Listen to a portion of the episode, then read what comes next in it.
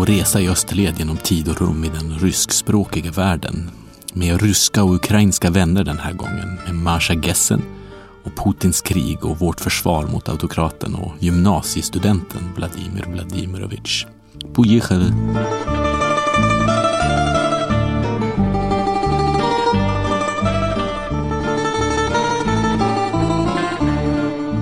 Det här är inte ett avsnitt som de andra som de tidigare här får tid och rum upphöra något. Vi måste leva i nuet och det mesta av det här avsnittet spelade jag in i torsdags den 24 februari då krigets första dag.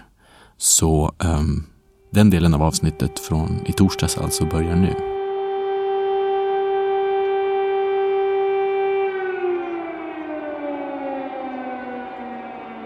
I eh, morse gick det alltså flyglarm över Kiev. Jag tror att den här podcasten måste följa Europa in i liksom ett nytt skede. Eh, jag tror jag måste erkänna att jag underskattar Ryssland, precis som jag gjorde innan invasionen av Krimhalvön. Då jag ju bergsäkert trodde att Ryssland aldrig skulle annektera en del av ett självständigt europeiskt land. Liksom, hur sjukt vore inte det om det hände? Men nu har jag fått äta upp min hatt och nio. Och precis det där hade jag sagt om ryska angrepp över Kiev också, men så ser jag de ryska attackhelikoptrarna över stadssiluetten på tv på morgonen. Det har kanske varit min välvilja och omtänksamhet om Ryssland som jag ju gillat verkligen mycket som gjort att jag har antagit en kanske något akademisk hållning gentemot postsovjetiska motsättningar i allmänhet, eh, kanske inom den ryskspråkiga världen i alla fall. Jag känner mig väldigt förtörnad nu, eh, delvis på grund av den här hållningen som jag har haft i min podcast tidigare, just en ganska förlåtande och diplomatisk och eh, varierad och många perspektiv och det är liksom det som har drivit mina berättelser från den ryskspråkiga världen och från Ryssland. Det är fånigt för jag har ju vetat precis vad Ryssland anser om folkstyre eller om Ukraina, om väst generellt eller om media. Jag har berört det vissa gånger och jag har också varit noga med att väga upp det med de gånger som jag stöder Ryssland, till exempel i dess krig mot terrorismen eller så. Men det känns mer fånigt nu. Vi kanske är bara precis så svaga och naiva i våra västerländska demokratier som Ryssland utmålar oss att vi är. Feminiserade och mjäkiga västerländska demokratier som han avskyr. Vår empati är kanske inte stor nog för att kunna ta plats i någon annans världsbild i Putins världsbild där Ryssland har liksom hemortsrätt i östra Europa. För det är verkligen det som Putin och putinisterna, eller de som stödjer Putin, eh, tack vare effektiv propaganda och medvetet ideologiserande eh, fått med sig många ryssar på, tyvärr. I somras så skrev Putin ett öppet brev. I, eh, I det brevet så förklarar han väldigt tydligt de ideologiska drivkrafterna till uh, till egentligen en imperialistisk attityd till den del av världen som fordom ingick i det ryska imperiet. Mycket av den här expansiva och aggressiva nationalismen som han kanaliserar drivs av en revanschlust som vilar på en uppfattning som jag pratat om tidigare i podcasten om att um, Rysslands rättmätiga plats är som en stormakt och som ett imperium. Att man har liksom historiska eh, rättfärdiganden till att vara ett imperium som dikterar villkoren för sin omgivning och världen lite grann. Det är det som nu sätter i görningen att Ryssland invaderar sin granne. I bästa fall ska kan man säga att det här brevet är som en historieuppsats från gymnasiet i vilken Vladimir Vladimirovich skulle få betyget godkänt, eh, men inte mer från mig i alla fall. Det är fragmentariskt och saknar kontext och det är fullt av liksom eh, lösryckta och viktiga, egenviktiga fakta som det känns som att han har hämtat liksom från olika Wikipedia-sidor. Eh, det är som en, en stil när man läser studenters texter som är så. Man kan lugnt säga att Putin inte är någon Churchill. Men det är i bästa fall. Alltså. I, I värsta fall så är hans brev ett försök att tillintetgöra ukrainsk kultur och förringa Ukrainas plats till att vara ett stödhjul till Ryssland och till ryskheten. Och för att föra fram det här så presenterar han liksom en syn på lillryssar och storryssar och belarusier som en slags språklig och religiös och etnografisk treenighet de hör liksom ihop och eh, det gör de ju kanske på sätt och vis, men han motsätter sig starkt att ukrainsk eh, säregenhet eller överhuvudtaget att någonting ukrainskt kan existera utan att samtidigt också vara ryskt. Och den där logiken överför han sen med någon slags rastänkande och koppling mellan land och folk eh, genom historien ehm, så att det eh, ukrainska som också per hans definition alltså är ryskt överförs på landet Ukraina. Han menar att landet liksom också som sådant tillhör den här folkliga treenigheten som han och Ryssland händelsevis representerar och styr. Och det är ju en imperialistisk tanke om något. Putin menar ju att Ukraina egentligen inte är något riktigt land. Eh, bästa fall så skapades Ukraina av Lenin och sen av en dålig sovjetisk politik som tillät nationella olikheter och därmed liksom accentuerade ukrainares egenhet gentemot Ryssland på vad han beskriver som ett artificiellt sätt just eftersom han anspråkar av den här treenighetsteorin.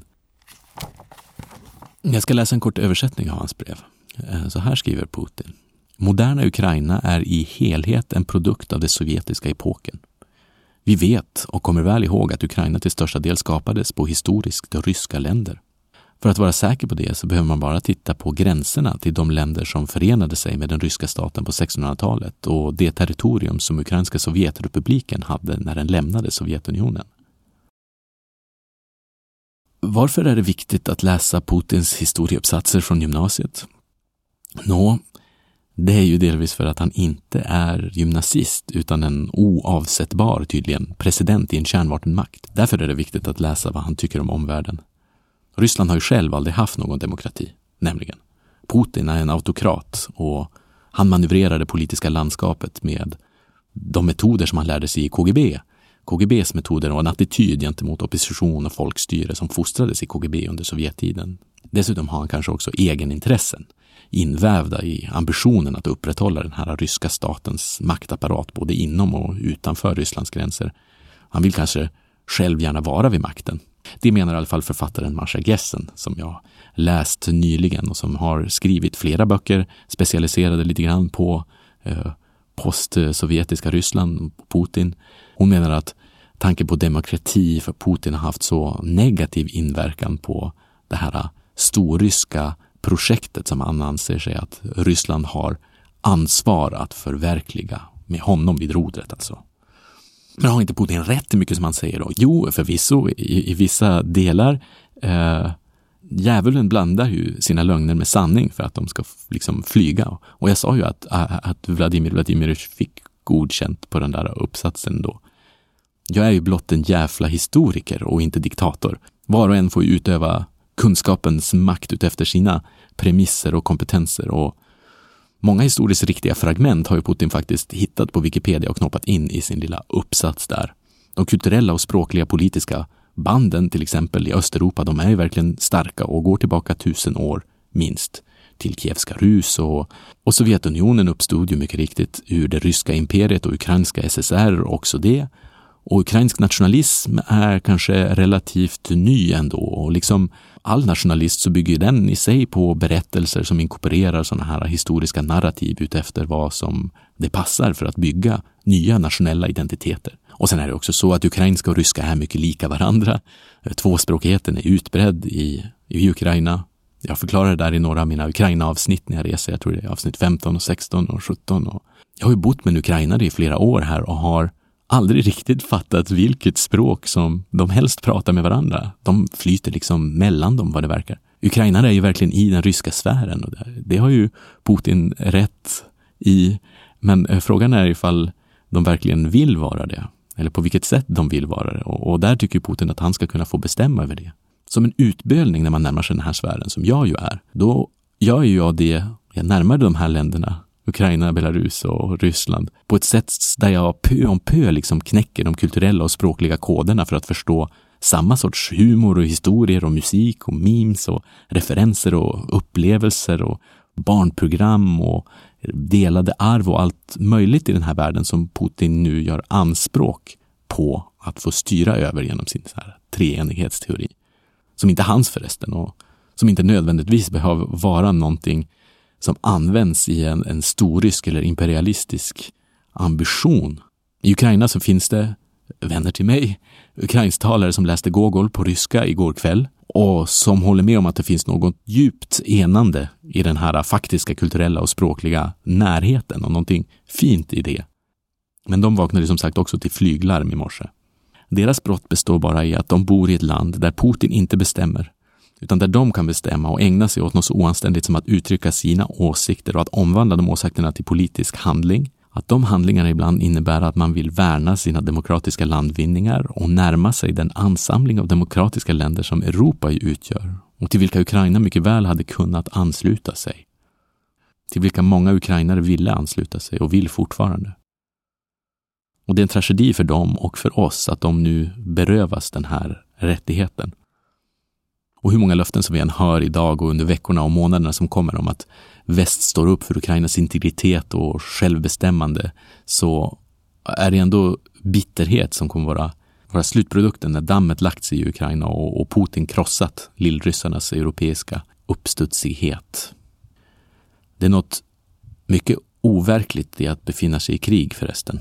Att söka skydd och tänka på enkel logistik som pengar och värme och mat och el och spontant lämna sitt hem eller söka tillfälliga bostäder.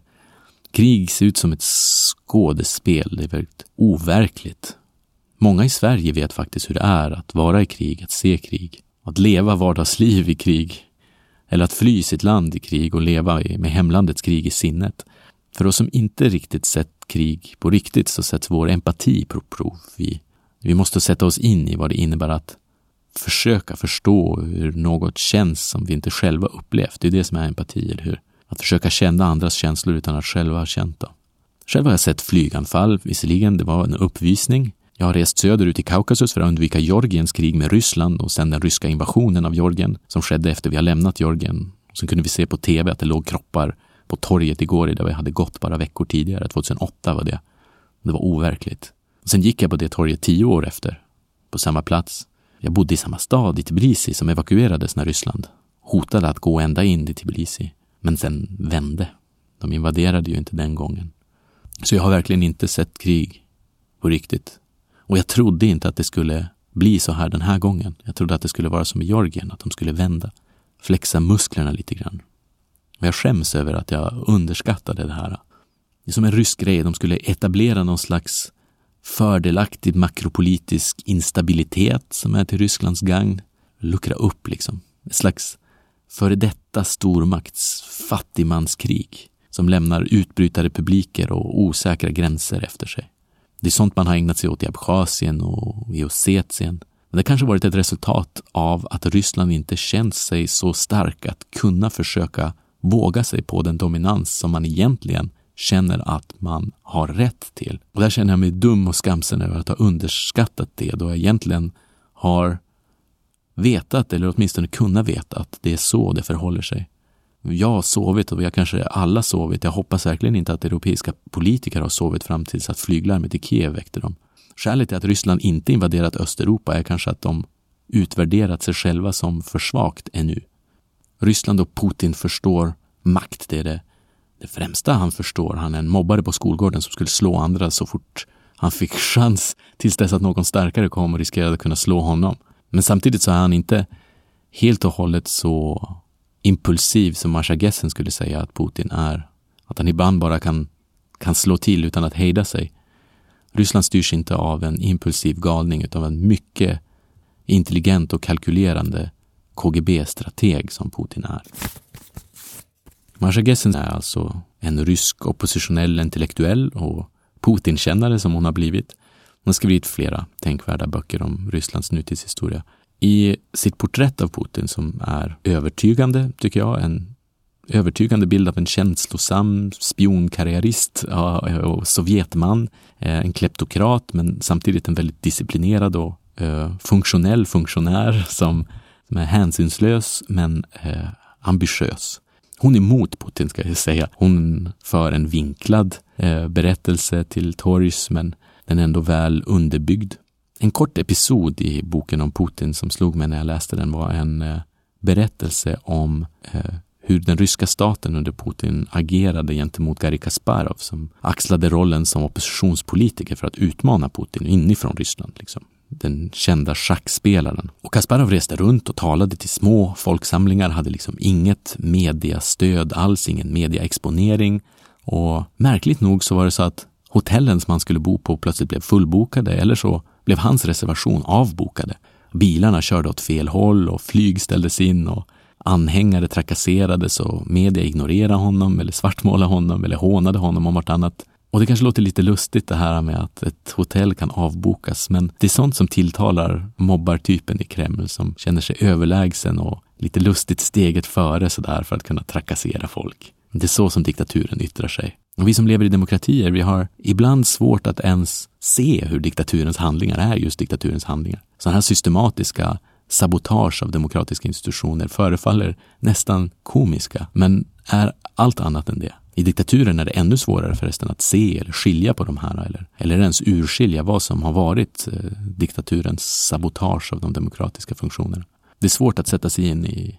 Återigen behövs det empati förresten. Det är empati som behöver förmågan att sätta sig in i andras upplevelser och att själva känna det som andra känner. Att själva försöka förstå hur det är att tänka när man kontrolleras i sina tankar av ett mediaflöde till exempel. Hur skulle det vara att titta på rysk media jämt och vad skulle ens egna uppfattningar vara om det var det enda som man hade tittat på? Tänk er ett land där makten smyger fram sina positioner men där man aldrig riktigt vet vad makten ska tas, ta för sig. Varken Putin eller Ryssland tål att bli trodd om att vara svag dock, så styrka och makt och, och, och hårt maktspråk är också någonting som diktaturen ägnar sig åt och som Ryssland ägnar sig åt mot oppositionella. Ibland avbokar man deras hotellrum, men ibland förgiftar man dem med radioaktivt material istället eller skjuter dem. Ryssland är ett land där oppositionen sitter i fängelse, där journalister flytt utomlands eller mördats på plats. Det är så som man utvärvar makt i vår granne Ryssland och det är den makten och den sortens makt som Ryssland nu vill utöva över sin granne i Ukraina. Det är bara det att Ukraina är en lärling i ett annat sätt att utöva makt. Vårt sätt att utöva makt. Ett sätt där man lyssnar på varandra, diskuterar, läser, där man kan rösta och där man kompromissar, där man respekterar sina meningsmotståndare. Jag ska inte ge några välsignelser till det som är allt annat än perfekt folkstyre i Ukraina. Institutionerna och någon institutionell tradition för demokrati har man ju inte haft i Ukraina, men ukrainare kan ändå läsa och lyssna till fria medier, vilket relativt få ryssar gör. Och där kommer den empatin in igen, för det är inte allas önskan att vara i ett ofritt land i Ryssland. Alla ryssar vill inte vara fastbundna vid det politiska narrativ om Storryssland som putinismen och staten basunerar ut i deras öron. Vi borde lyssna förresten till vad det är som basuneras ut. I rysk media så kallades demokratianhängarna under Majdan, under revolutionen i Ukraina, för fascister. Och visst fanns det ju också högerextrema bland ukrainska nationalister där på Majdan och de kommer säkert få drag under galoscherna igen nu under det här kriget och de är verkligen ett jävla antisemitiskt pack de. Men så himla många var de ju inte. Fast i Ryssland så liknades Ukraina vid antiryska arvtagare till nazismen som Röda armén ju krossade i fosterländska kriget, så det passade liksom någon form av historiskt narrativ där Ryssland kunde ställa saker till rätta. Och nu inför invasionen den här veckan används termen avnazifiering av vårt Ukraina. Många ryssar tror på sånt och det gör mig förbannad. Sen finns det ett annat narrativ som är också väl uh, använt som att kalla alla bångstyriga antiryska stämningar väster om den egna gränsen för fascistiska eller för att vara helt enkelt en eh, västerländsk komplott eller resultatet av något som väst har kokat ihop för att liksom sätta krokben för Ryssland.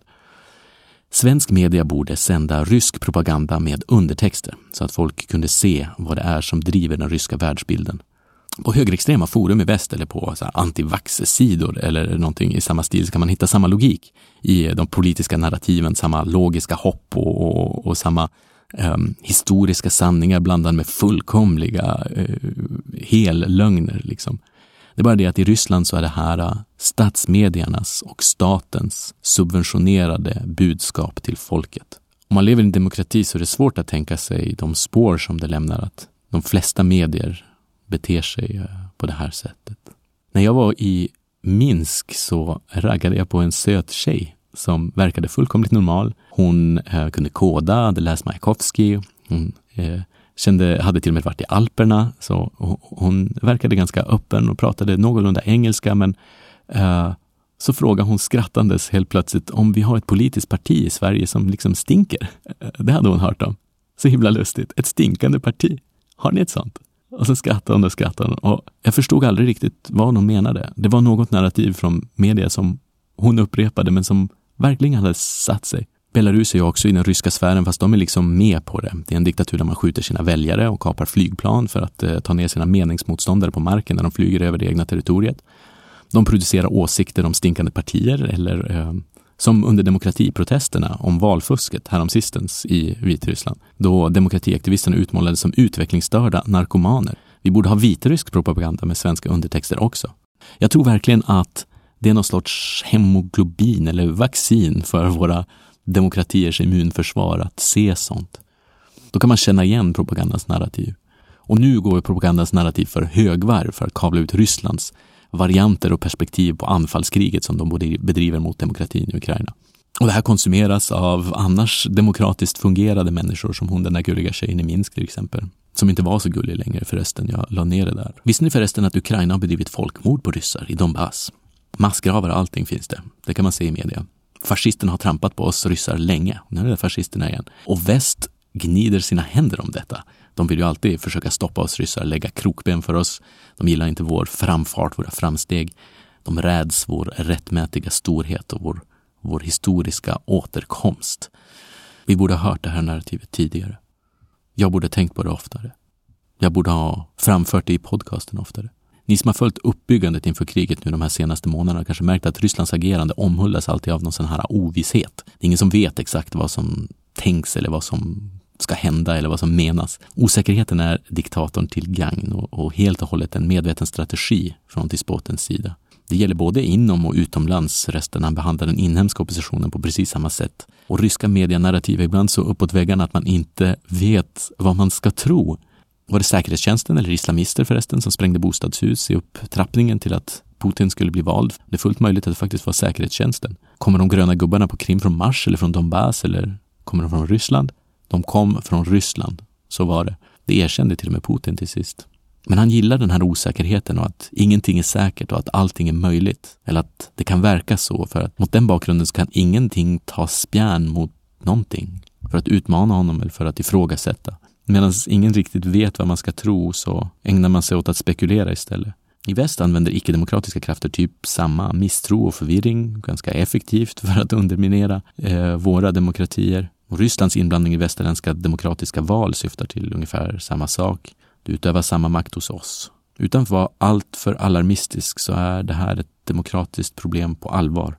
Eh, Putin förklarade i ryska medier idag att Ukrainas regering tyckte han har citat gripit makten och behållit den med hjälp av valprocedurer som utsmyckning.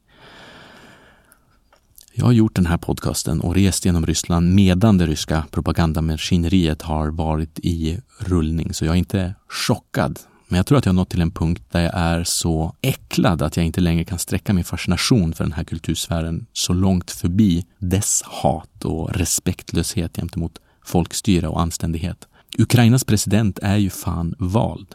Det finns sanningar i världen som verkligen betyder någonting. Propagandan kan inte urholka det och demokratier får inte låta dem urholkas. Och det är så oanständigt från diktaturens sida att så självgott veta under vilka styrelseformer den ryska makten upprätthålls och sen samtidigt beskylla sina demokratiska fiender för att vara det de vet att de ju själva är.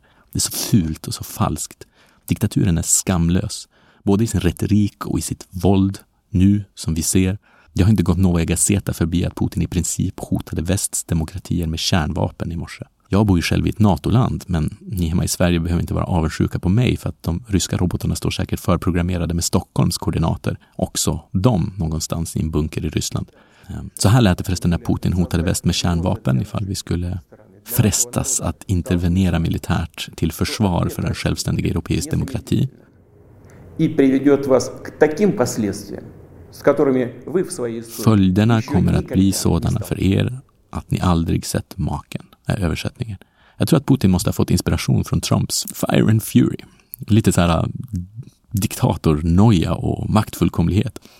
Att fogas till den otrevlighet som det innebär att vakna till att ens vänner har vaknat till bombanfall i en tidigare teamzon så är det ju rätt trist att själv ha varnats med kärnvapenkrig innan lunch de statstrogna rystna tidningarna skriver om, om eh, propaganda som handlar om eh, ukrainska överlöpare som går över på ryska sidan, om militärframgångar, om sidospår, om materiella saker. Och de lägger fokus mest på typ helst byar i Donbass, eh, snarare än att rysk militär bombar i Kiev. Och sen återvänder de till Putins maktapparats vokabulär för detta. Denazifikatia, i demilitarisatia. De är ord som är i alla ryska medier. Avmilitarisering betyder det andra ordet. Det första ordet betyder avnazistifiering. Flera medier i väst har liksom undvikit att rapportera det ordet för mycket. Det kanske känns för märkligt att förklara. Analytiker, vissa säger till och med att, det, att de inte kan förklara det.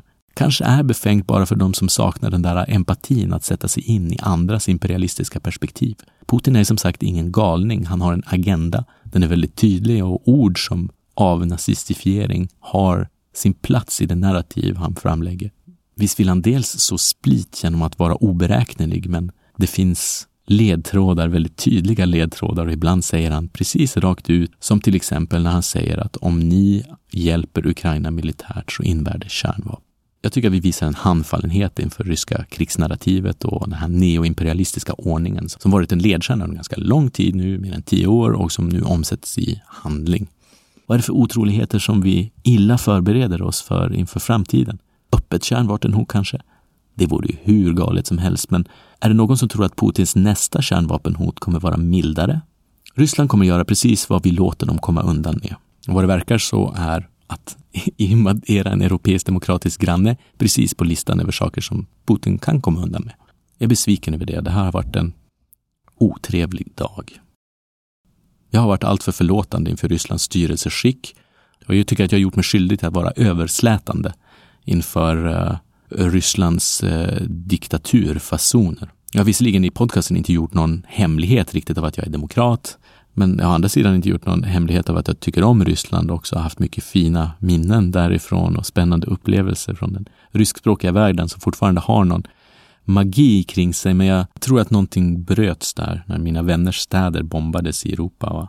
att de som bombade pratar om avnazistifiering av en icke-aggressiv, självständig europeisk demokrati som har angripits under påhittade förevändningar, hoptutad av en autokrat som har imperialistiska ambitioner för sina grannar och som kan anta bara har hat för folkstyre i sitt sinne. Hat i allmänhet och för sin egen opposition i synnerhet.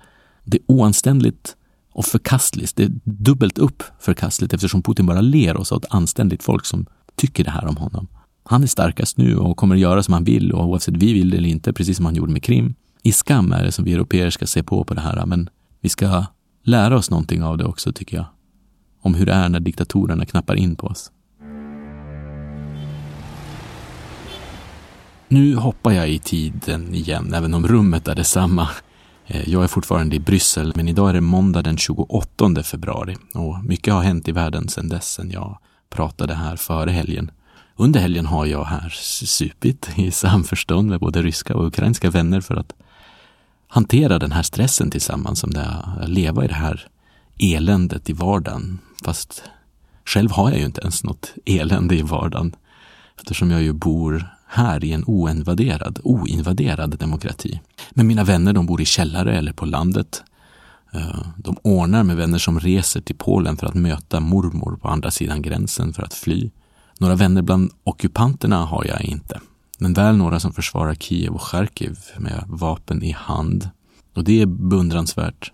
Och jag har också en djup beundran för de ryssar som stödjer Ukraina i de här enorma uppoffringarna som Ukraina gör nu. Och just på nära håll så är det rörande att se hur mina bekanta navigerar i det här som skulle kunna vara fruktansvärda spänningar mellan dessa brödrafolk. Um, Häromsistens satt vi och sjöng och drack vodka och eh, min armé där hemma vet jag inte hur den kommer klara sig, sa ukrainskan. Och min armé vet man aldrig vad den kommer göra eller ta sig för, sa ryssen. Och det här salå, det smakar ungefär som ost, sa hon från Brasilien. Skål. Salo är typ grisfett eh, som man äter med vitlök när man super vänner emellan och lägger vardagens slit åt sidan och fokuserar på den livsglädjen som Östeuropa har att lära oss andra europeer. Vi har skickat pengar härifrån tillsammans till den ukrainska försvarsmakten och för våra ryska vänner här så innebär det ju i princip någon slags förräderi i krigstid, även om deras armé ju faktiskt begår folkrättsbrott och säkert krigsbrott just medan jag spelar in och, och, och säger detta. Våra ryska vänner fotograferas av agenter som hänger på våra demonstrationer och det och kanske mycket värre saker ändå är liksom priset för deras kompromisslöshet när de är oppositionella och ryssar. För, för dem är priset högt, men för mig som glad svensk är ju priset nästan intet. Och det har jag tankar om. Jag har ju i vissa bisatser eller i hela avsnitt i den här podcasten varit liksom diplomatisk och neutral. Och det har jag varit eftersom att jag vet att Ryssland är en jävla diktatur som skjuter journalister och som jag trots allt skulle vilja återvända till på turistvisum för att upptäcka den ryskspråkiga världens magi som är någonting som liksom löper som en tråd genom hela det här podcastprojektet. Jag är liksom hungrig efter mer av det, men åt helvete med det nu. Att kompromissa med djävulen, det är helt enkelt idioti. Och jag ska inte vara eh, förlåtande eller diplomatisk inför eh, Putins eh, våld och förtryck. Varken av ryssar eller av ukrainare eller av andra eller av västerländska demokratier. Det får vara slut på sånt. Eh, den här ryskspråkiga världens hela magi finns ju faktiskt hjärtvärmande nog just bland ryska och ukrainska vänner som dricker svensk vodka och äter sånt här svål och pratar om Bulgakov och Pushkin och skålar för folkstyret och mot ockupanterna tillsammans. Och de ryska klassikerna, de kommer ju lära själv och hemma. Jag behöver ju inte åka till Ryssland för det. Den ryskspråkiga världens magi kanske får bli portabel för oss, för mig i alla fall. Um, kanske får den överleva just bara bland dem i den här världen som också är europeer, det vill säga, det vill säga ukrainare som mina vänner som lustigt nog också är rysstalare, vissa av dem som försvarar sig mot ryska soldater, ibland just på gatan utanför där de bor. Om ni lyssnar till det här och, och befinner er nära ett fönster så kan ni titta ut. Tänka ifall det står några ockupanter där med sina vapen.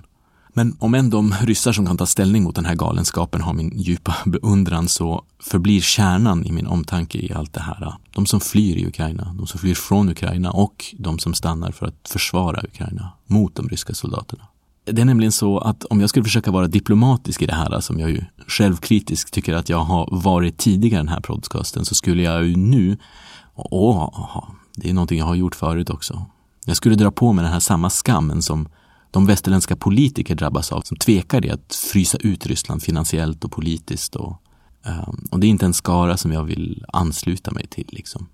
Speciellt inte med det korkade och själviska argumentet att jag själv eventuellt någon gång skulle vilja flyga under liksom den ryska förtryckarregimens radar som amatörjournalist eller Rysslands resenär fast en demokrat på något konstigt sätt utan att riktigt stå upp för demokrati vara en demokrat som inte höjer sin röst fast man har en. Det, det uh, får bli slut på det. För upprätthöll jag en sån tvehågsenhet inför demokratiska principer så skulle jag inte kunna se mina ukrainska vänner i ögonen. Hej, hur, hur går det vid fronten? Uh, själv sa uh, vill jag inte uttala mig så mycket, det är bättre att vara diplomatisk. Jag skulle gärna kanske vilja fara tillbaka till Ryssland någon dag och, och, och, och det vore ganska häftigt. Har, har några vänner till er stupat? Så, så kan man inte bete sig. En varm tanke riktar jag istället till de som drabbas i Ukraina av Rysslands krig och de som är oskyldiga och sen också mitt fulla stöd till de vänner som jag har i den ukrainska försvarsmakten.